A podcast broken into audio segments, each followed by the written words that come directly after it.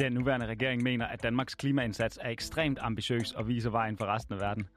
Før det mente Lars Lykkes regering, at Danmarks klimaindsats var ekstremt ambitiøs og viste vejen for resten af verden. Og før det ville Helle Thornings regering levere en klimaindsats, der var ekstremt ambitiøs og viste vejen for resten af verden.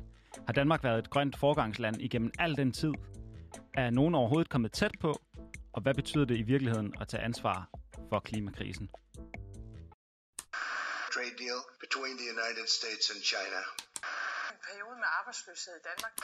Arbejdsudbuddet vokser, men nominalt princip, der lige så langsomt udhuler blandt andet boligbeskatning. Finanstilsynet advarer nu mod den digitale myndighed. Pengene skal kunne flytte sig med lynets hast hen over grænserne mange gange om dagen.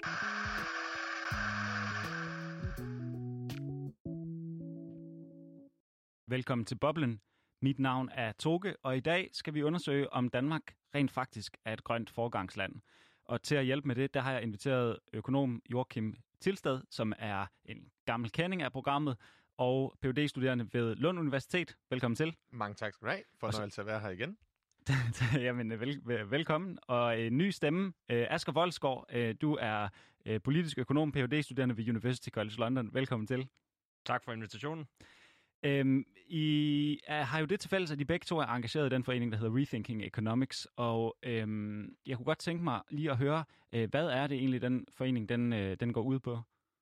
Jamen, uh, Rethinking Economics er en uh, studenterdrevet, nu faktisk global organisation, som voksede ud af øh, ud af på bagkanten af finanskrisen, sådan en forståelse af, hvad er det, der sker med vores økonomiske system, hvordan kan vi gøre det anderledes, hvad er alternativerne, og der øh, ideen er, at man ligesom øh, skal sætte, øh, øh, hvad hedder det, se på økonomiske relationer, den økonomiske videnskab fra mange forskellige perspektiver, for ligesom at, at veje dem op mod hinanden, og så også at prøve at åbne op for en samtale, øh, en demokratisk samtale om, hvad økonomien skal være, og hvad, hvad den kan, og strukturer i den.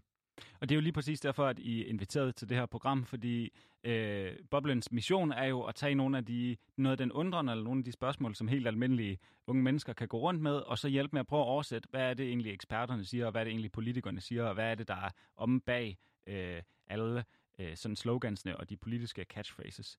Øhm, og jeg kunne godt tænke mig, før vi, før vi går i gang med at beskæftige os med det her med Danmarks placering øh, og, og farven på Danmarks trøje øh, klimamæssigt, Øh, hvis I lige kunne fortælle kort, hvordan er I endt med at beskæftige jer med, med klima og, og økonomi begge to? Jamen, øh, jeg kan starte. Øh, mit øh, forskningsprojekt det handler om, hvordan den grønne omstilling, hvordan den er blevet finansieret, særligt i energisektoren. Og øh, jeg tror, den bagvedliggende årsag til, at jeg synes, det var et interessant spørgsmål at, at forske i, det var, at da jeg gik i gymnasiet, da jeg var noget yngre, så øh, blev verden øh, rystet af den store finanskrise, som øh, jo sådan lidt kollektivt øh, fører til, at man, at man ikke har så stor tillid til, at det, der foregår i den finansielle sektor, nødvendigvis er det optimale. Så sådan lidt en grundlæggende skepsis øh, og bevidsthed om, at man skal, man skal huske at følge med i den finansielle sektor. Og det er jo så, det er sådan en grundinteresse, der så har, har fulgt mig lige siden. Og så er der selvfølgelig øh, spørgsmål om den grønne omstilling. Og det er som om, at de to spørgsmål, de selvfølgelig øh, de krydser i spørgsmål om, hvordan bliver den grønne omstilling finansieret, og nærmere bestemt, kan vi regne med, at den finansielle sektor leverer sin del af mm. opgaven. Perfekt. Hvad med dig, Joachim? Jamen, altså, det, øh, du, du spurgte jo sådan inden, inden programmet. Øh, det kan godt være, at jeg lige spørger om det der. Øh, og så har jeg jo haft nu 5-10 minutter til at tænke over det, og jeg er faktisk ikke rigtig kommet øh, frem med, hvad jeg synes var et godt svar, fordi øh, jeg, jeg tror, jeg har sådan altid, jeg altid, hvis jeg skal være helt ærlig, altid godt kunne lide at gå i skole, og det, det kunne sgu nok være blevet mange ting for mig. Men når det så er sagt, ikke, så, øh, så er klimaforandringerne bare et, et problem, altså et, den helt store udfordring stiller nogle krav til, at øh, fuldstændig, en fuldstændig transformation af samfundet, som vi kender det. Og det synes jeg altså enormt, der er ekstremt vigtigt, enormt spændende, meget engagerende, øh, fordi der er en masse magt på spil her. Magt, ulighedsskabende strukturer og sådan noget. Og det, det synes jeg er, er vildt fascinerende. Det er jo glimrende. Altså, øhm, det er jo præcis derfor, at det giver god mening at have lige præcis jer to med, fordi øhm, I har to øh, forskellige øh, sådan perspektiver på det her spørgsmål omkring øh, den grønne omstilling og klimaforandringernes betydninger. Der er sikkert mange ting, I er enige om, og sikkert også nogle enkelte ting, som I ser lidt forskelligt. Øh, men grundlæggende set, så grunden til, at jeg har inviteret jer i dag, det er, og nu kommer jeg til at læse en lille smule op, at man i sommeren 2020 øh, kunne man læse i en pressemeddelelse fra Finansministeriet, Regeringen og et bredt flertal i Folketinget har indgået en ambitiøs klimaaftale, der sikrer en helt grøn energisektor og vigtige skridt mod en grønnere industri. Aftalen viser resten af verden, at klimahandling og økonomisk genopretning går hånd i hånd. I alt medfører aftalen sammen med klimaaftalen for affald CO2-reduktioner på 3,4 millioner tons i 2030. Det lyder jo helt fantastisk. Hvis man så er lidt færm på Google, så kan man finde, at i 2018, der kom der en rapport fra Energi-, Forsynings- og Klimaministeriet under Lars Lykkes regering, som havde navnet Danmark som forgangsland på energi og klima, status på den grønne omstilling. Og det lyder jo også ret godt. Og hvis man går helt tilbage til Helle Thornings åbningstale til Folketinget i 2011, kan man, kunne man høre det følgende. I 1990'erne gjorde vi Danmark til forgangsland på klima- og energiområdet. Regeringen vil sætte Danmark i front igen. Vi skal igen være ambitiøse, vi skal turde stræbe højt, vi skal sætte langsigtet og klare mål, så vi har klare linjer at arbejde efter. Og lidt senere siger hun, regeringen vil igen placere Danmark der, hvor vi hører til, på førstepladsen med grøn teknologi, som et land, der bidrager med løsninger på vigtige globale problemer. Hvis man hører alle de her ting her hver for sig, så kan man for det første få en ledelse til at tro, at det der med den grønne omstilling, det går sgu nok egentlig meget godt. Og for det andet, at det har i øvrigt gået meget godt i siden 1990'erne, i hvert fald hvis Helle Thornings ord står til trone, der har Danmark simpelthen svinget takstokken og vist, hvordan det skal gøres. Men hvis man så kigger på gaderne, hvor der er Fridays for Future og ungdomsprotester og, øh, øh, og borgerforslag osv., så, så, så, så er befolkningen stadigvæk ikke helt tilfredse. Så hvem har ret? Altså, går det godt, eller går det dårligt? Jeg, jeg, jeg, jeg er helt vild med, du, du, du sagde det også helt smukt der i introen, de der spørgsmål, du læser op, eller hvor du fortæller. Altså, at alle har sagt det hele tiden, sagt den samme, brugt noget af den samme retorik, den måde, vi taler om tingene på.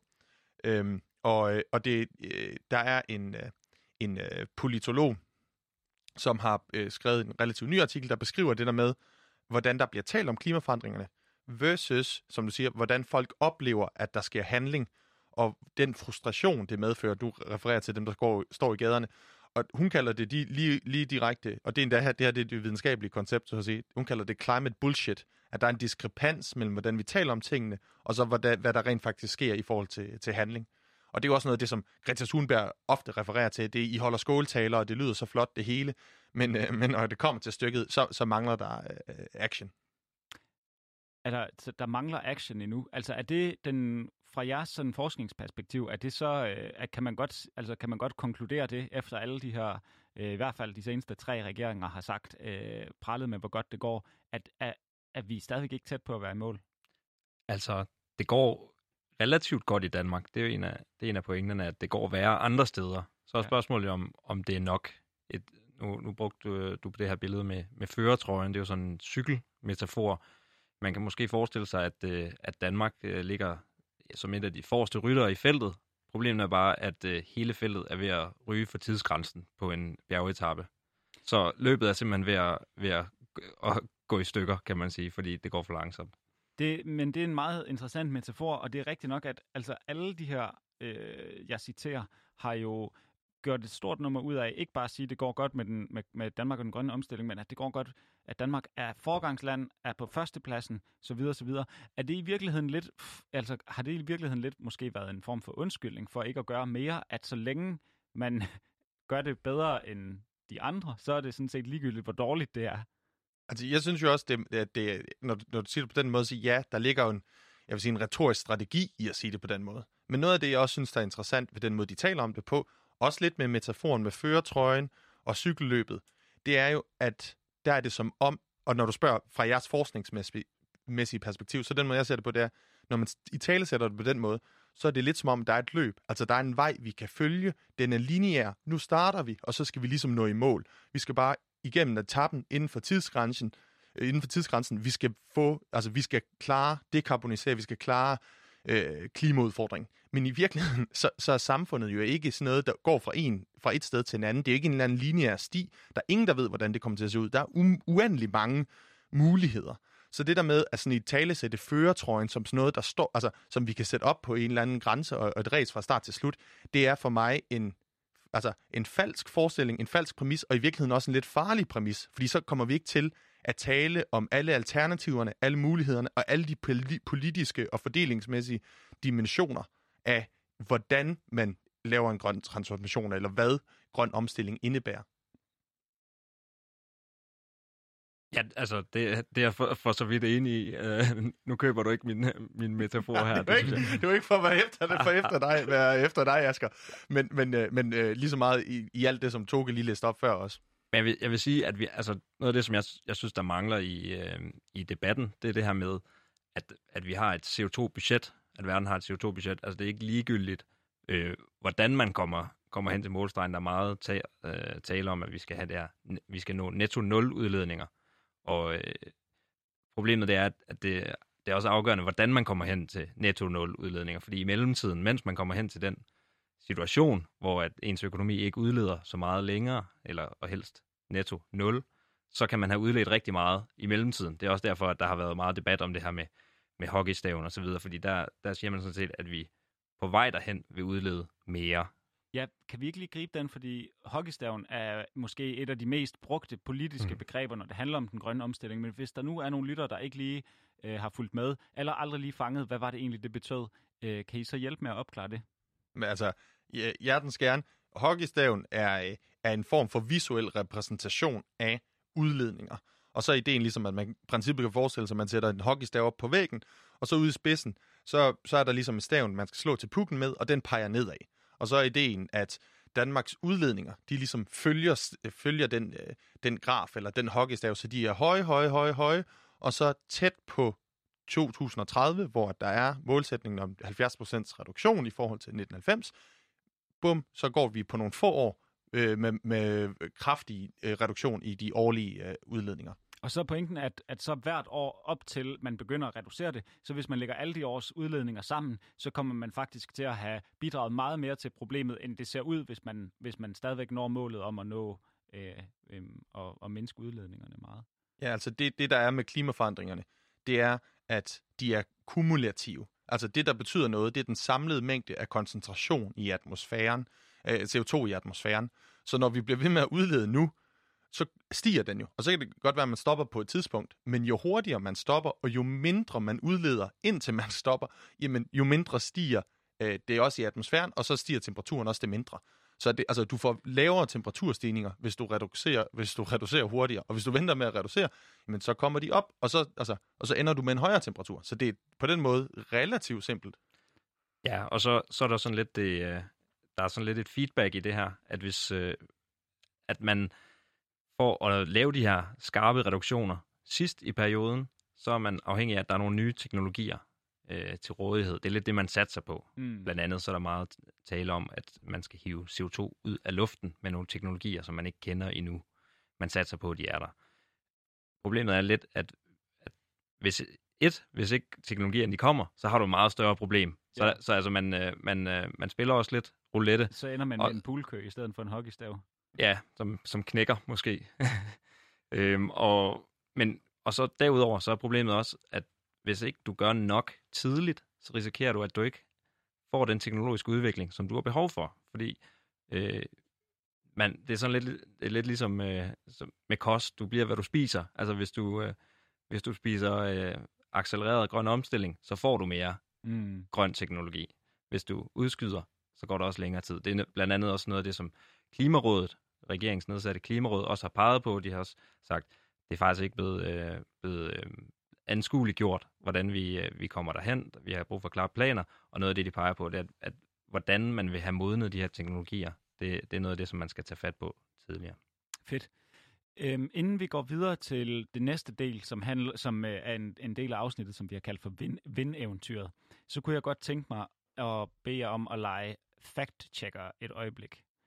Og hvis I nu skulle sige på en skala fra 1 til 10, hvor 10 er det allermest sande, I kan forestille jer i hele verden, og 0 er det allermest falske, I kunne forestille jer i hele verden. Hvor sandt er følgende øh, statement så?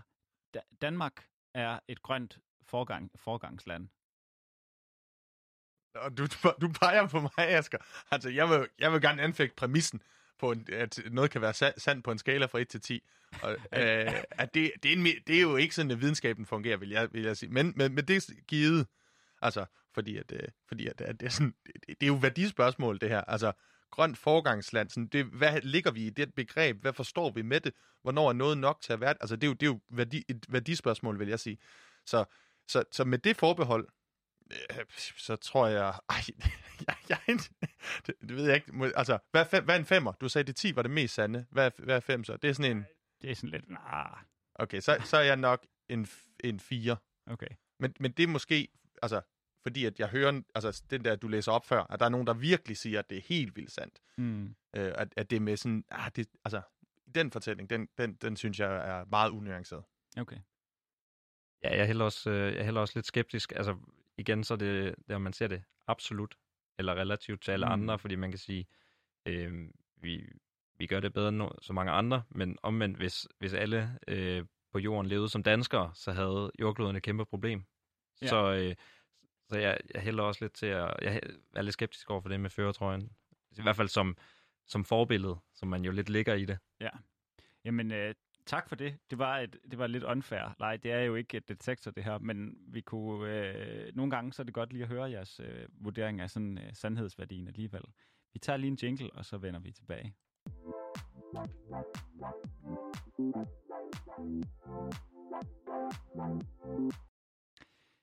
Du lytter til Boblen. Mit navn er Toge, og i dag undersøger vi, om Danmark er et øh, grønt øh, forgangsland. Og i det, der har vi alle mulige metaforer på spil om øh, hockeystave og farven på ens trøjer, og om klimakrisen er ligesom et cykelløb øh, eller ej.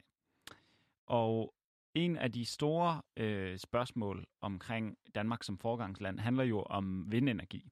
Og øh, Asger, du har jo skrevet et, et nyt bogkapitel øh, sammen med en kollega, hvor du undersøger den grønne genopfindelse af Dong, som har skiftet navn til Ørsted.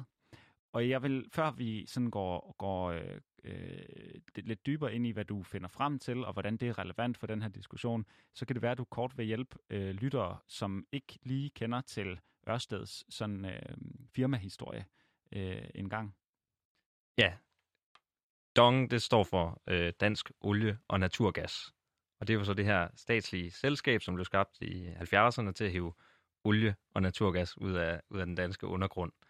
Og øh, i dag, der hedder selskabet Ørsted, og er et af verdens største selskaber inden for at lave øh, vindmølleparker rundt omkring i hele verden, men især i, i Danmark og Storbritannien, øh, Holland og Tyskland, hvor der er gode vindforhold ude ved, ude ved kysterne og, og lavt nok til, at man, øh, man kan stille nogle store vindmølletårne op. Og det er jo en, øh, det er jo ret vildt, at det er det samme selskab, men, øh, men ikke desto mindre, så, så, det, så er der sket en transformation hen over perioden, særligt øh, fra midten af nullerne og, øh, og så op til midten af tierne. Og det, den her forandring, synes øh, jeg og min kollega, øh, øh medforfatter, Mogens Rydiger fra Aalborg Universitet, som er energihistoriker, det synes vi var enormt interessant at prøve at hitte rede ud af. Også prøve at koble det op på, hvad er det egentlig, hvad, hvad er det et symptom på i forhold til, hvordan økonomien er under forandring. Mm.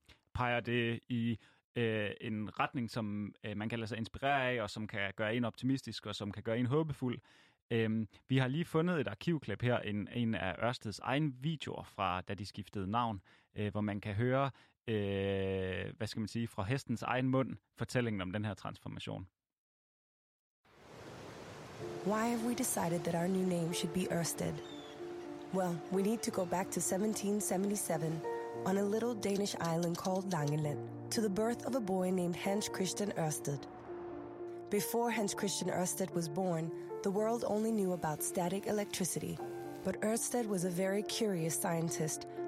He uncovers the beginning of a technological revolution when he discovers the connection between electricity and magnetism.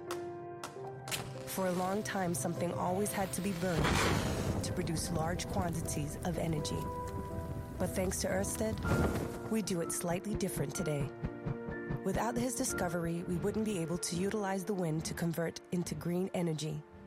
But Ørsted had many more ideas. He was looking for connections, not just in science, but also in nature, philosophy, and art.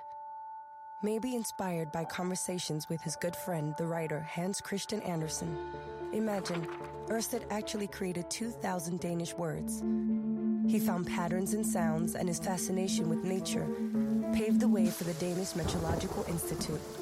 He co founded the Technical University of Denmark and was the first to extract aluminium. We also named one of our first power stations after him. Ørsted helped all of us build the world as we know it today. His curiosity, dedication, and great interest in nature are precisely what is required to create a world that runs entirely on green energy. That's why Ørsted is our new name.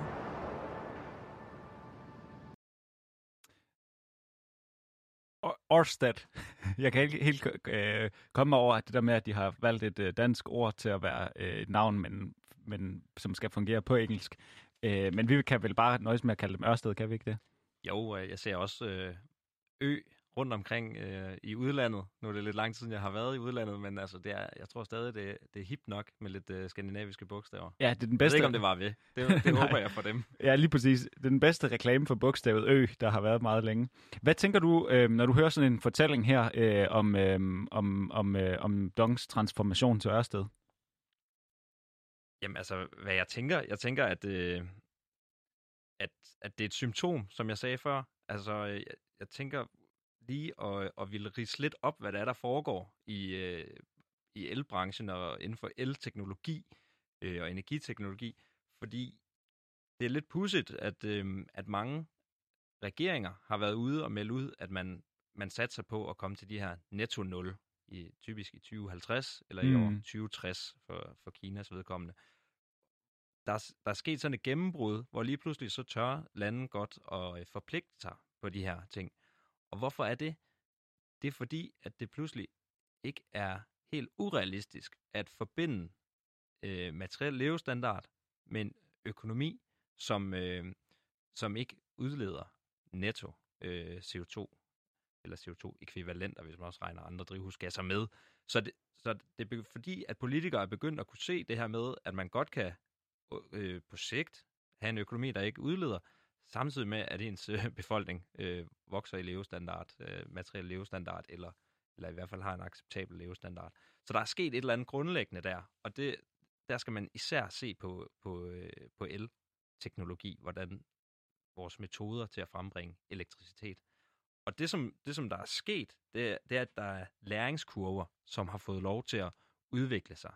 Der har været sådan nogle forskellige faser for de her teknologier, for eksempel solenergi og vindenergi. Det er jo sådan nogle teknologier, der har været, der har været med os i meget lang tid, Mm. men der er, der er sket nogle, øh, der er især nogle politikere, som har været med til at skabe fundamentet for det i forskellige lande, for de her teknologier, til at de kunne øh, blive installeret i økonomien og generere energi, og så stille og roligt øh, få en skala, der gjorde, at omkostninger faldt ned til, til noget, der nu lige pludselig er, er lige så billigt som fossil energi. Mm. Og det, og, og det, det lyder sådan lidt, øhm, okay, det, ting er blevet billigere, men det, som man skal forstå, det er, at på, især for solenergi, men egentlig også for vindenergi, der er det blevet enormt meget billigere.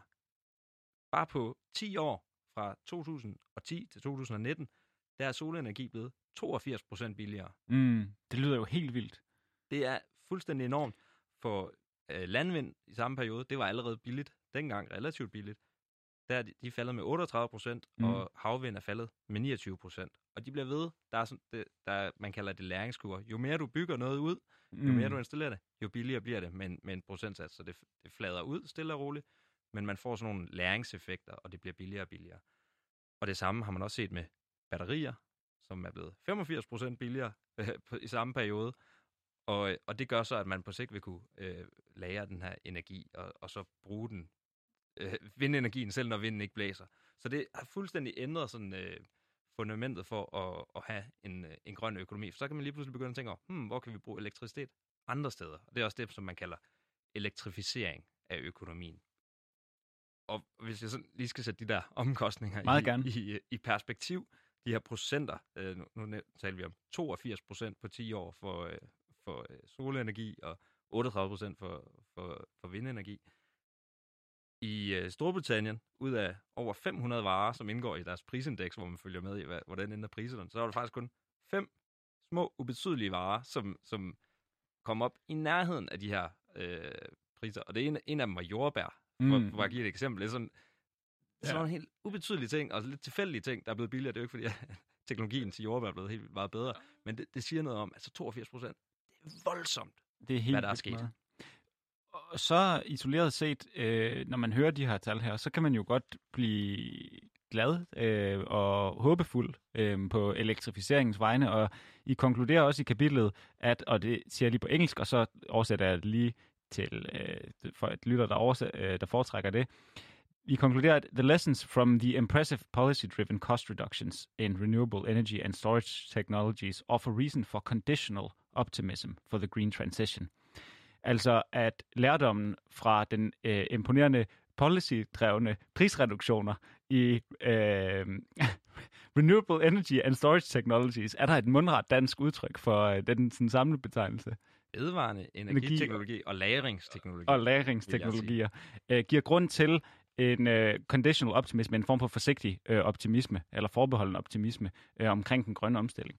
Og jeg må indrømme, at det meste af tiden, der går jeg ikke rundt med en forbeholden øh, optimisme øh, for den grønne omstilling. Hvad, øh, hvad, hvad, hvad for nogle perspektiver ser du ligesom i efter og sådan, gennem arbejdet med det her kapitel her, undersøgelsen af den her omstilling her? Øh, hvad, hvad, hvad, hvad, øhm, hvad for en slags optimisme mm, fylder det der med? Altså, hvad ser du af muligheder og, og øh, for øh, med, det her, med den her case her i mente for sådan den videre elektrificering af samfundet og den fortsatte udvikling? Ja, altså, ja, det er nemlig vigtigt at sige det her med, at det er en betinget optimisme. Det er et udtryk for, at øh, vi simpelthen har lykkedes med at, øh, at se på en, øh, en udfordring, som, øh, som mange sagde, det kommer aldrig til at ske, vi kommer aldrig til at bruge en hel masse vind- og solenergi. Glem det. Til at man gennem nogle valg, der er blevet truffet, der er blevet mobiliseret omkring, at vi skal gøre mere for at gøre noget ved klimaforandringer. Der er politikere, der har truffet valg for at skabe nogle markeder. Der er nogle øh, erhvervsfolk, som har øh, lagt nogle strategier, hvor man satser på, at det her det kan lade sig gøre, og man ændrer sin virksomhed. Det er blandt andet det, Dong har gjort i, øh, i løbet af bare 10 år. Og så kan man lige pludselig få nogle, nogle nye løsningsmuligheder. Mm. Det er ikke for, altså, for at sige, at teknologi kan fikse alt. Der er mange, der taler om sådan, øh, er kritisk over for det her med et, et technofix. Mm. Men det siger noget om, hvad man kan gøre, hvis man mobiliserer omkring det, har øh, nogle øh, kompetencer, der er, der er gearet til at tage hånd om de her problemer, både i staten og det offentlige, og i øh, det private erhvervsliv, og hvordan man så kan, kan få, få sat skub på den her udvikling, og, og simpelthen øh, gøre det på en måde, hvor, at, hvor vi ikke nødvendigvis kommer til at, at føle som nogle store tab i vores, Mm. i vores hverdag. Det sker så i en kontekst af, at vi har været alt for lang tid undervejs, så vi har simpelthen sat så meget pres på den her omstilling, så, øh, så kommer det her betinget ind, og vi skal også øh, senere tale lidt om, om vi er nødt til at, stad- at alligevel sætte en, en bremse på vores, øh, på vores forbrug og vores Mm. produktion alligevel.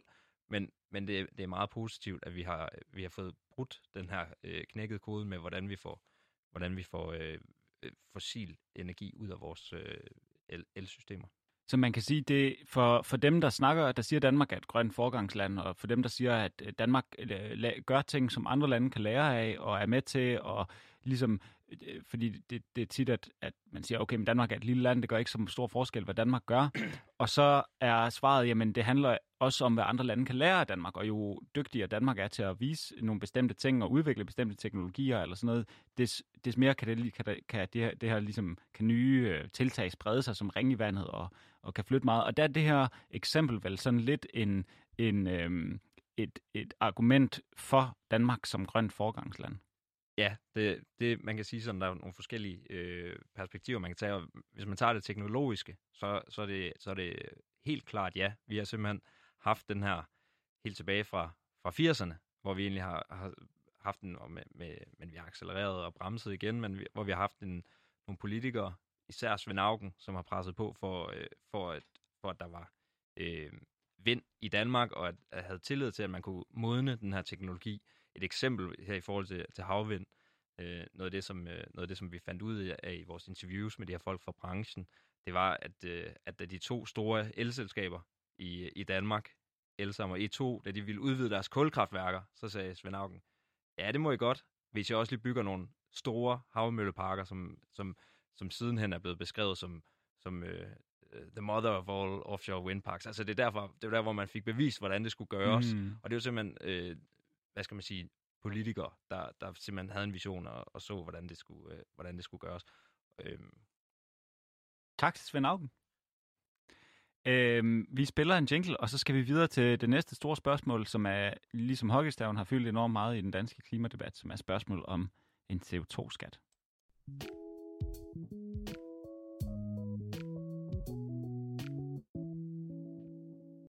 Du lytter til Boblen. Mit navn er Toge, og sammen med den politiske økonom Asger Voldsgaard og økonom Joachim Tilsted er jeg i gang med at undersøge, om Danmark i virkeligheden er et øh, forgangsland inden for den grønne omstilling. Og i debatter om den grønne omstilling, der er det nemt at finde stridspunkter. Hvem skal betale? Hvem skal holde for? Er det forbrugernes ansvar? Er det industriens ansvar? Er det det arbejdende folk, eller er det de rigeste, der skal betale? Er det politikerne, eller er det virksomhederne, eller er det individerne, der har mest ansvar?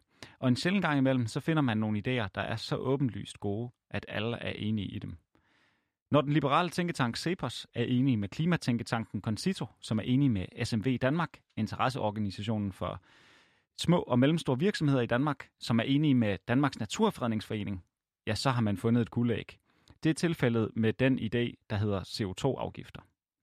Og øh, til mange lytters øh, måske overraskelse, så er I to, Asger og Joachim, ikke helt lige så overbeviste som alle de her organisationer. I har faktisk skrevet et debatindlæg sammen, der stiller spørgsmålstegn ved, hvor god en løsning CO2-afgifter er.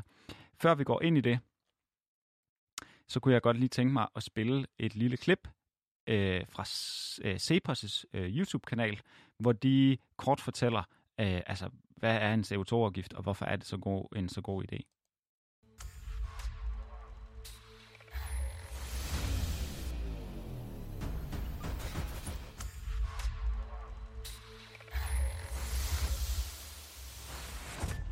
Pris på CO2, det er den bedste og billigste vej til at nedbringe mængden af drivhusgasser i atmosfæren og til at bekæmpe global opvarmning med.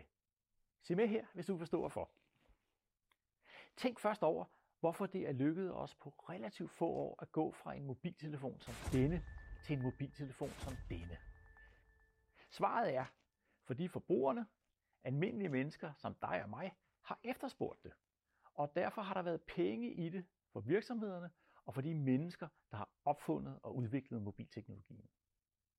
Det er samme tankegang, vi skal bruge, hvis vi vil reducere vores CO2-udslip i atmosfæren. Ja, det var, øh, det var det første minut af en syv minutter lang video fra Cepos om, hvor god en idé CO2-afgifter er. Jeg vil anbefale lyttere, der godt kunne tænke sig at høre hele argumentet og finde det på Cepos' øh, YouTube-kanal. Øh, men øh, indtil da, så kunne jeg måske godt tænke mig at supplere lidt, fordi vi fik jo faktisk ikke forklaret præcis, hvad en CO2-afgift er i det her øh, klip. Kan øh, en af jer, øh, Asger eller Joachim, tænke jer kort at forklare, hvad betyder en CO2-afgift? Jeg, jeg tror faktisk, jeg vil sige, at jeg synes, der er en god grund til, at de ikke forklarer præcis, hvad det er, fordi det er i virkeligheden ikke så enkelt, som det måske lyder. Men i udgangspunktet er ideen jo, at hvis du udleder drivhusgasser, så skal du betale en skat. Og så mere konkret, så er der nogle altså, problemer omkring, eller hvordan skal den opkrævning foregå? Hvilke afgifter skal man pålægge? Hvordan måler man, hvornår nogen udleder en CO2-afgift? Øh, hvordan differentierer man? Altså skal man tage højde for øh, for eksempel et landbrug, den enkelte gård, hvor det er jo forskelligt, men det kræver en masse måleudstyr, og hvem skal man betale til, og hvornår, og okay. hvordan skal de penge bruges, og alt sådan noget der. Men... Det er lidt teknisk svært, men, men kort fortalt, hvis du udleder, så betaler du et eller andet for det. Det skal gøre det mindre attraktivt at udlede, og så udleder samfundet som helhed mindre, fordi det er dyrere, og så finder man en god balance, hvor man udleder kun det, man har råd til, og det, der er tilpas. Er det, er det sådan Ja, altså, rationelt? der er en masse, for eksempel, kan, vi, kan man på biler, hvis man køber en bil lige nu i Danmark, så er det dyrere, end hvis man køber en bil i Tyskland. Det er der måske mange, der ved. Og det er jo fordi, der er en skat på. Og så er ideen ligesom på samme måde, at hvis at man øh, udleder noget CO2 eller en anden drivhusgas, så skal man betale. Og øhm, når I så, øh, altså udover det her med, at det ikke er så simpelt, og der er en, den udfordring med præcis, hvordan man skal øh, designe det, øh, hva, hvordan, altså måske kan starte med at sige, hvordan kan, hvordan kan det være, at der er så bred opbakning til ideen? Øh, altså det er jo sjældent, man hører alle de her mennesker her være enige om noget som helst, og slet ikke, når det handler om klimaforandringer. Altså, jeg, vil, jeg vil lige starte med at sige, nu fik du før sagt, at vi ikke synes, det var en god idé. Altså, vi synes også, det er en god idé som en del af løsningen. Det er det, som vores indlæg øh, det handler om. Det, som vi opponerer mod, det er sådan, at det bliver set som sådan en gylden løsning. Ja, jeg, skal, jeg, jeg tror også, nok... jeg sagde, at I stillede spørgsmålstegn ved, hvor god en løsning det er. Ja, som, er det? som, som den eneste løsning. Og det er lidt okay. det, som, som når man også hører øh, øh, Mads Lund Hansen her sige, altså, så lyder det lidt som om, det er bare det eneste, man skal. Og så, så er den ligesom, øh, så den ligesom klaret. Og jeg tror, at en af, øh, nu spurgte du til, hvorfor, øh, hvorfor der er så stor opbakning. Det er også fordi, det er simpelt. Mm. Det er simpelt at sige, forureneren skal betale. Og så kommer der en ny, så kommer der et nyt produkt. Det er meget, meget simpelt og kræver ikke særlig meget af hovedet at forstå det. Øhm, og ja, og så, og så er der selvfølgelig også et, et, et spørgsmål om, om, om retfærdighed. Det man synes, det er, retfærdigt, at, øh, at den, som der forurener, skal betale. Så det har også noget, det har noget appel på tværs af, mm. af de politiske skæld. Altså, det synes jeg jo er, er, er et godt princip, det der med, at forureneren skal betale, eller den, der altså, gør noget skidt, ligesom skal stå op for, at man gør noget, der, der går ud over andre øh, andre mennesker. Øhm, så, så det er måske heller ikke, det er heller ikke der, det er også derfor, vi siger, at det, at det er en god idé, at øh, forstå på den måde, at vi skal have et prissystem, eller vi skal have nogle måder, hvorpå vi lader være med at gøre det, som udleder drivhusgasser i lige så høj grad. Vi skal ændre på de måder, vi gør det på. Øhm, men når appellen ligger i, som jeg, jeg synes, Asger rigtig siger øh, med, at det er både simpelt, men også, at det er sådan, det er en, øh, en, en løsning, som du også kan finde en stor teoretisk opbakning til blandt øh, hvad skal man sige, øh, en markeds, markedsorienteret teori, eller markedsorienteret teori, hvor at, at markedet bliver set som en god måde at træffe beslutninger på, eller løsninger på. Så der er nogle teorier, som bakker det her op, mm. øh, som, som, øh, hvor Asger og jeg kommer fra et andet sted rent teoretisk set, og, og derfor er det, det er en del af, hvorfor at, at vi er skeptiske over for det. Jamen lad mig spørge om det, fordi udover at du nævnte, at det kan være kompliceret øh, at finde ud af præcis, hvordan man skal designe det, og præcis hvordan, altså, øh, hvordan man teknisk ligesom griber an og skulle indføre en CO2-afgift, så er der nogle andre grunde til at være øh, forbeholden, eller ikke tænke, at det kan stå alene. Øh, og hvad, hvad er de grunde? Nu, nu talte vi om, om øh, grøn innovation før, og, øh, og, og, og det er et af de punkter, hvor man kan være ret kritisk, fordi øh, man kan godt høre på, på Mads Lundby Hansens øh, eksempel her. Jeg går ud, nu, nu er vi ikke på YouTube. Jeg går ud fra, at det var en iPhone og en Nokia 3310. Ja, lige præcis. Ja. Det var en, en meget gammel telefon, øh, som var så meget øh, klumpet ud, og så en ny smartphone. Ja. Øh, der var eksemplerne. Og det, og det er faktisk et rigtig... Det, er, det er et lidt pudsigt eksempel her. Men, men altså, man kan godt høre, at han, øh, han lægger meget stor tiltro til, at hvis bare at øh, forbrugerne ønsker noget, så sker det. Mm. Man kan godt høre, at, at det, er en, en meget, det er en tilgang, som har meget stor tillid til, at markederne og priserne, de, øh, de leverer mm. det optimale. Men det, som der er med, med den her iPhone, nu har min, øh, nu min vejleder, Mariana Mazzucato, hun er blevet øh, ganske berømt på at skrive en bog i 2013, hvor hun blandt andet ser på, øh, hvordan iPhone den rent faktisk opstod. Mm. Øhm, og den her bog, den hed The Entrepreneurial State, eller den entreprenante stat, hvor hun sådan set afdækker, hvordan at øh, den amerikanske stat, i stedet for at være den her minimalstat, som det tit bliver beskrevet som i medierne, på det innovationsmæssige punkt, er en maksimal stat på, mm. på mange områder. Altså hvor, hvor, den, hvor de simpelthen i deres forsvarsbudget er kæmpestort, har drevet mm. en hel masse teknologisk udvikling. Deres, deres rumprogram har drevet en masse teknologisk mm. udvikling. Og, øh, og så også forskellige andre programmer, hvor de simpelthen bare sørger for, at, øh, at virksomheder har noget omsætning, så de mm. kan udvikle nogle nye teknologier. Blandt andet, ligesom vi også gjorde i Danmark, med at sørge for, at der var efterspørgsel efter vindteknologi. Mm. Så har vi i dag fået en stor styrkeposition. Men det er jo ikke noget, som der er kommet af, at man bare lige satte en pris på. Nej. Øh, så, så, så det, som, der, som hun viser med, med iPhone, det er, at man kan tage alle de smarte teknologier, for eksempel tænk på touchscreen, tænk på Siri, tænk GPS. på Wi-Fi, GPS, og så kan du spore det tilbage til den amerikanske stat, og til, til dels den britiske stat. Mm. Så når Mads Lundby siger, at det var fordi forbrugerne gerne vil have en smartphone, nej, nej, nej, altså, Apple samlede en masse smarte teknologier, som havde råd i, i den amerikanske stat. Så, så, så vi simpelthen, det peger på, at vi har brug for en, en meget mere nuanceret debat om, hvordan innovation foregår. Ja, og jeg synes, det taler meget godt ind i, noget, jeg sagde tidligere, hvis jeg må sige det sådan. Det der med, at, at, at når de stiller det op på den måde, så er det igen lidt den her linje sti. Vi gik fra det, der var dårligt, til det, der var bedre. Vi gik fra den ikke så smarte teknologi til den mega smarte teknologi. Og i virkeligheden så, øh, så punkterer øh, Asger jo fuldstændig i den fortælling nu og siger, nej, der var virkelig mange ting, der spillede sammen og over tid og forskellige teknologier og sådan noget, der så mødtes på nye måder og blev samlet på nye måder. Så i stedet for igen, altså det er et væld øh, væld af net, eller væld af muligheder, som spreder sig ud her. Og, og, og, og sådan er det jo også inden for, for klimaforandringerne. Altså, der er virkelig mange potentielle muligheder, ligesom øh, Asger øh, ridsede op før inden for, inden for øh, dekarbonisering af energisystemet. Det kan man gøre på virkelig mange måder, og retfærdighedsspørgsmål, fordeling af spørgsmål, masse politiske spørgsmål ligger der, så ved at du ligesom tager en skat og ligger på, så tager, altså, og så ellers siger, og det er det, der er det vigtige, det er, at man ellers siger hands off, eller så skal vi ikke gøre mere, end at lægge en skat på, jamen, så forsvinder hele det demokratiske spørgsmål om, hvordan og hvilken ting, hvordan vi skal komme derhen, eller hvilke, alle de forskellige alternativer, som der er. Mm.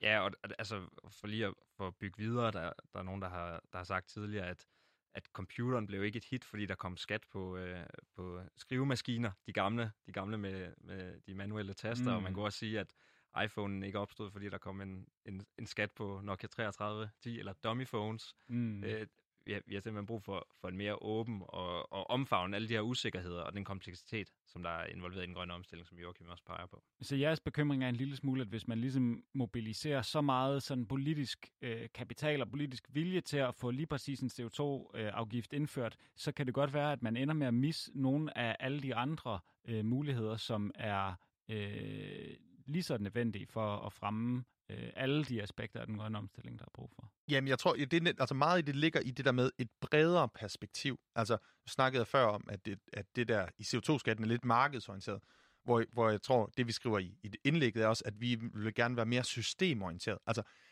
innovation er mange ting. Innovation er ikke bare teknologi. Du kan også have social innovation, organisatorisk innovation, medarbejdet ejede virksomheder. Det er også en form for innovation.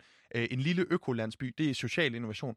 Og hvis vi tager det her bredere forståelse af, hvad innovation er, og hvordan grøn omstilling kan lade sig gøre, så får vi en meget bredere øh, palette af muligheder og en meget mere åben og mere demokratisk, vil jeg sige, måde at forstå det her på, og, og også indser, at der er faktisk et alternativ. Det er ikke bare fra A til B. Altså, du kan, hvad hedder det, man kan finde en, øh, en anden måde, at, øh, eller øh, du kan opstille mere vindteknologi. En anden del er også det der med at bruge mindre energi i første omgang. Altså sådan, det mm. i virkeligheden, og de, måske skal de være sammen, og det komplementerer hinanden. Altså, der er ikke kun, hvis vi har den der sådan lidt smalle, så har vi sådan en meget teknologifokuseret, hvor vi også siger, jamen, vi skal have en bredere forståelse af innovation, og vi bliver nødt til at forbyde eller udfase de elementer, som ikke kan indgå i en, en reel grøn økonomi, og så understøtte de elementer, som skal eller kan indgå. Og det er meget mere end teknologi i sådan en smal forstand. Og, og hvis jeg kan bygge videre på det, så, så noget af det også, der er med, det, det er det her med, hvad det er, forbrugerne vil have. Det, det tager øh, Mads Lundby Hansen i det her eksempel, det tager han sådan lidt for givet, at hvis bare man får CO2-scan på. Men problemet er også, at der, at der er en masse usikkerhed, og der er en masse træhed, og vi er nogle vanedyr, er vi.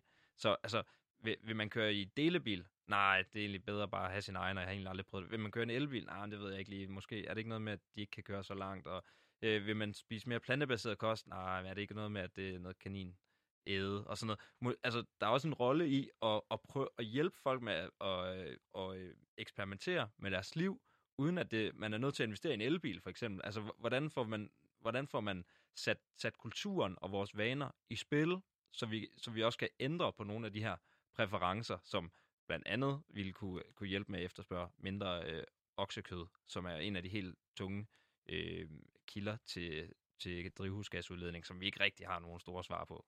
Og, og så en sidste, øh, sidste ting, der også ligger i det her systemperspektiv, udover øh, vaner og normer, som, som øh, Asger fremhæver her, så er der jo også, hvem har, altså så er der magtstruktur. Hvem har interesse i, hvordan samfundet skal se ud?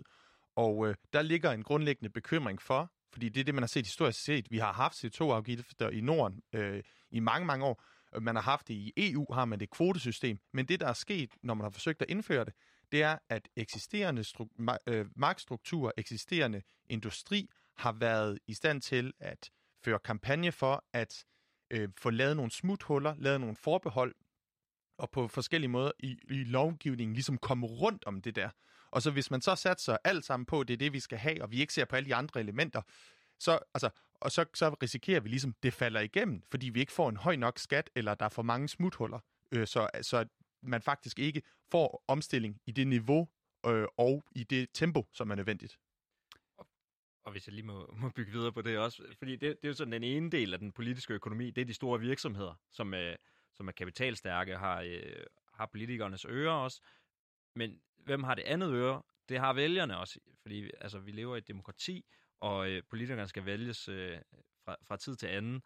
Og, og problemet er også, at, at med den her CO2-skat, det, en del af pointen er også, at nogle virksomheder skal lukke, og andre skal, skal starte. Altså, hvis vi skal blive billedet, så skal nok 33 10 virksomhederne, de skal lukke, og, og Apple med iPhone skal, skal vokse. Ikke? Men det betyder jo lige pludselig, at, at der er nogen, som har arbejdet med at lave Nokia 3310, eller lave noget, der er klimabelastende, som skal over og lave noget andet. Mm. Og det er også et spørgsmål om, hvor, hvor, hvor stor tillid har man til, at det går glat. Hvis man, øh, hvis man tror, at øh, det går meget glat, så ser man også CO2-skat som, øh, som en no-brainer, så behøver man ikke gøre andet. Hvis man derimod ser, ser det som om, at der kan være store træheder med at finde nye jobs, og måske også nogle jobs, som er lige så gode, så kan man være meget bekymret for det politiske backlash, eller øh, det, det, det, det slag, der, der vil komme mod det politiske system øh, efterfølgende, hvis man indfører en høj CO2-skat. Så, så, så, så det, man kan sige, det er, at, øh, at, at der måske er behov for nogle komplementerende politikker. Og noget af det, som, som jeg har været øh, talsmand for i, i den danske offentlighed, det er at indføre en grøn jobgaranti, hvor man sikrer, at dem, der mister jobbet i den grønne omstilling, mm. at de så rent faktisk kan få et job, så man ikke skal ud i arbejdsløshed bagefter, for at sikre, at nogle af de her øh, negative feedbacks ind i det politiske system, at man undgår dem. Meget interessant. Øhm, det var en forhåbentlig en form for nuancering for lytterne af, hvad en, hvad en CO2-skat er. Hvis du er nysgerrig efter det her, så øh, håber jeg, at du både vil gå ind og se øhm, øh, Cepos-videoen, som vi refererede, som du kan finde på YouTube, og øh, læse det debatindlæg, som I har skrevet til øh, Klimamonitor, øh, hjemmesiden Klimamonitor, øh, som vi kan lægge i øh, link til i show notes. Nu tager vi lige en jingle.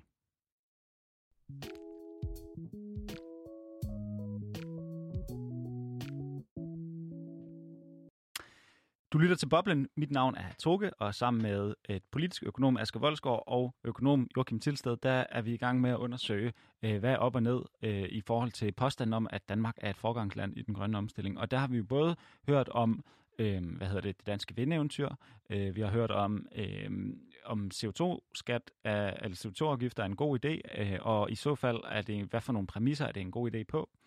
Og øhm, så skal vi videre til den sidste del af øh, programmet. det er også her, hvor jeg ved, at I, øh, Asger og Joachim ikke er helt enige, og det kunne være sjovt at, at prøve at krise en lille smule op, hvad er jeres, hvordan er, kommer jeres øh, forskellige perspektiver til udtryk. Spørgsmålet er, kan man fortsætte den økonomiske vækst samtidig med, at man mindsker CO2-udledningen? Det spørgsmål er helt centralt i den grønne omstilling, og mange fremhæver Danmark som et eksempel på, at det godt kan lade sig gøre. Det kalder man øh, afkobling, altså at man lykkes med at skille CO2-udledning fra økonomisk vækst. Joachim, det er noget af det, som du ved noget om. Kan du sige, om det lykkedes Danmark at ligesom fortsætte med, at vi bliver rigere, og vi får flere penge, og væksten den buller ud af, samtidig med, at, at, at man faktisk stopper med at udlede øh, så meget? jeg, jeg kan i hvert fald forsøge, fordi der er mange elementer i det, du, du siger her. og Altså, vi bliver rigere, der er du også et kollektivt vi, man snakker om stigende ulighed, så hvem er det, der bliver rigere? Et vigtigt spørgsmål i den sammenhæng. Og så, øh, så den der, noget af den der uenighed går måske også lidt i framingen, fordi det, jeg kommer til at sige nu, det lyder lidt negativt, var noget af det, som, som Asger jo fremhævede tidligere, det var det der den forsigtige optimisme. Øhm, men jeg vil sige, hvis man ser på, hvad der er sket i Danmark, og så den, du snakker om afkoblingsraterne, se på, hvor meget øh, reduktionerne er faldet i forhold til øh, BNP-stigninger eller vækst, jamen så øh, er Danmark ikke et eksempel på grøn vækst, forstået på den måde, at hvis alle havde fulgt en reduktionssti, der lignede den danske, så ville man formentlig ikke nå 2-gradersmålet. Og det er, altså, det, det, er, det er jo øh, en måde, og, altså, og nu så siger jeg en reduktionssti, men alle lande er jo forskellige. Alle lande har nogle forskellige muligheder. Øh, Danmark har nogle særlig gode øh, omstændigheder, før nævnte Asger det med vindforholdene, og at der var, altså, man kan stille offshore øh, vindenergi op, og der måske også er i et udgangspunkt øh, rent øh, øh, i ressourcemæssigt, der gør, at man har, har flere muligheder end andre. Øh, så, så helt kort vil jeg jo sige, øh, øh der har man ikke, ikke haft høje nok afkoblingsretter. Jamen det her, det er jo, det er jo primært uh, Joachims område, så jeg, så jeg, vil, jeg vil træde men, varsomt nu. Men det jeg måske så vil, vil spørge, det er, øhm, du nævnte før det her eksempel med øh, øh, Svend Augen og øh, kulværk, kulkraftværken. Ja, det må I gerne bygge, hvis I også bygger en vindfarm. Så øh, producerer man meget, meget mere energi, øh, og noget af det er vedvarende, og noget af det er, er ikke. Men, men, men er, er det ikke en risiko for, at man så bare øh, altså ligesom bruger mere? Hvornår, hvor, øh, hvornår stopper øh, det? Altså kan vi blive ved med det for evigt, så længe det bare, vi, vi bare laver mere og mere vedvarende energi?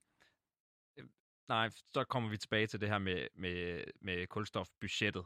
Altså hvor det her med, som vi taler om til at starte med, med at, at stien hen mod, at vi ikke udleder længere, den betyder noget. Så mm. nej, det, det duer ikke. Øh, men, men, men noget af det, som jeg sagde, jeg, jeg vil træde lidt varsom nu, men, går, men den her betingede optimisme, det, det går blandt andet på, at selv nyere kulværker, kulkraftværker, at det kan give økonomisk mening at lukke dem for at, at installere vedvarende energikilder. Så billigt er solenergi især blevet. Øh, det internationale energiagentur, de skrev her for, for lidt tid siden, at solenergi er det billigste elektricitet, øh, vi nogensinde har haft i, øh, i verdenshistorien. Mm. Så, så, så der, der er virkelig sket noget, som, som giver mig en optimisme. Det, der giver mig sådan lidt en bitterhed, øh, det er, at vi er kommet for sent i gang. Og det, der giver mig en øh, dobbelt bitterhed, det er, at der ikke bliver trådt mere på, på speederen. Fordi vi har set, hvad der er sket. Altså prøv at tænke på, at Danmark som et lille land har været afgørende for at øh, gøre øh, vindenergi billigt. Og det har vi gjort som... Vi har også fået hjælp af andre lande, men vi har godt nok drevet det meget, den teknologiske udvikling. Prøv at tænke, hvis andre lande havde gjort det samme. Altså, det, vi kunne, vi kunne være, have været her for lang tid siden. Så er vi tilbage igen med, det, med nogle magtstrukturer, der har, der har sat, sat bremser på osv. Men jeg synes heller ikke, jeg ser... Et, altså, nu er der stor tale om, om Joe Bidens øh, store infrastrukturplan her. Det er nogle store tal, men det er også nogle, en stor udfordring. Mm. Og man, man må bare sige, at det er ikke nok. Så, så altså, på den måde, så, så er jeg også øh, lidt pessimistisk anlagt. Hvordan, Joachim, øh, altså, hvordan tænker du, øh, er det, øh, skulle, vi, skal vi, skulle vi være gået noget tidligere gang, og så trådt lidt mere på speederen i forhold til innovationer, i forhold til vedvarende energi, og, og vil det være nok sådan fra dit synspunkt? Det her, når, altså, når du siger nok, ikke? Der, det synes jeg er et nøgleord, derfor vil det være nok. Hvad er nok? Det handler, igen bliver det politisk, og handler om, hvad er bæredygtighed, og hvilket øh, verden vil, hvilket verden vil vi gerne leve i, hvilket samfund vil vi gerne have, hvornår er nok nok, så at sige. Men klart, ja, man skulle gå tidligere gang. Altså halvdelen af alle verdens CO2-udledninger fra den industrielle revolution og frem til i dag, er, er siden 1990 og frem. Så ja, man skulle have gået i, i gang meget tidligere. Altså så, så i forhold til klimaforandringerne havde det ikke været lige så presserende. Øhm, men altså, når vi snakker øh, Danmark som grønt forgangsland, så synes jeg jo også, i det grønne ligger der, at vi ser hele vejen rundt. Det er miljø og økologiske systemer generelt, og her har vi kun set på klimaforandringer. Altså hvis vi snakker biomasse, hvis vi snakker biodiversitet, kvaliteten i danske vandløb og sådan noget, alt, så, så, altså, så, ser det, så ser det ikke særlig godt ud. Så det er, sådan en, det er også en meget snæver måde at se det på, kun at se på, øh, se på klimaforandringerne. Og det er jo også nogle af de bekymringer, jeg lidt har, når, når jeg skal snakke om de her fantastiske teknologier der. Jamen, der kommer også andre problematikker med dem, og der er ikke, der er ikke de, de, de er bedre på, på, i forhold til klimaforandring, men de, altså, det er ikke alt, de er ikke fuldstændig uproblematiske.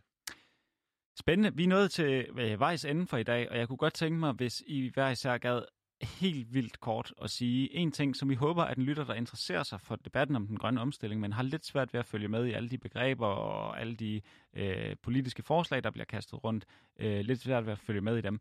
En ting, I gerne vil have, at en lytter tog med fra øh, programmet i dag, og øh, så kort som muligt. Ja, helt kort. Det der med, at vi er et sted nu, og så skal nå i mål, og der er en vej derhen, som vi bare skal have sat op i. Det bare gælder om at komme hurtigt derhen. Drop den, glem den. Der er et væld af alternativer. Et væld af forskellige muligheder, og de har alle sammen forskellige øh, politiske dimensioner. Og derfor er det sindssygt vigtigt, at man ligesom ikke, ikke, i stedet, ikke bare siger, ja, det skal gå stærkere, men vi tager, vi, vi øh, får åbnet op for øh, forskellige muligheder, fordi de er sindssygt vigtige. Øh. Tak. Asger? Ja, fra, fra mit bord her, så er det, at, øh, at der simpelthen kan ske nogle, øh, nogle forandringer, som man førhen har troet ikke kunne lade sig gøre, hvis bare der kommer nok tryk på øh, det politiske system, og, der, øh, og det tryk på det politiske system, det bliver omsat i, øh, i lovgivning og, øh, og penge på finansloven. Så, øh, så øh, fortsæt endelig med det derude, hvis der er nogen, der, der er engageret i det. Skønt. Et øh, optimistisk øh, note at slutte på, synes jeg. Altså øh, med forbehold og velfunderet, men ikke desto mindre, der er en vej frem. Tusind tak, fordi I lyttede med. Du har lyttet til Boblen. Øh, programmet er produceret af Danske Studerendes Fællesråd. I dag var vært øh, Toge Daler og medvirkende Asger Voldsgaard og Joachim Peter Tilstad. Øh, øh, musikken er lavet af Esben Kelsen Krav, og hvis du har et emne, du godt kunne tænke dig, at vi tog op i Boblen, så kan du skrive til boblen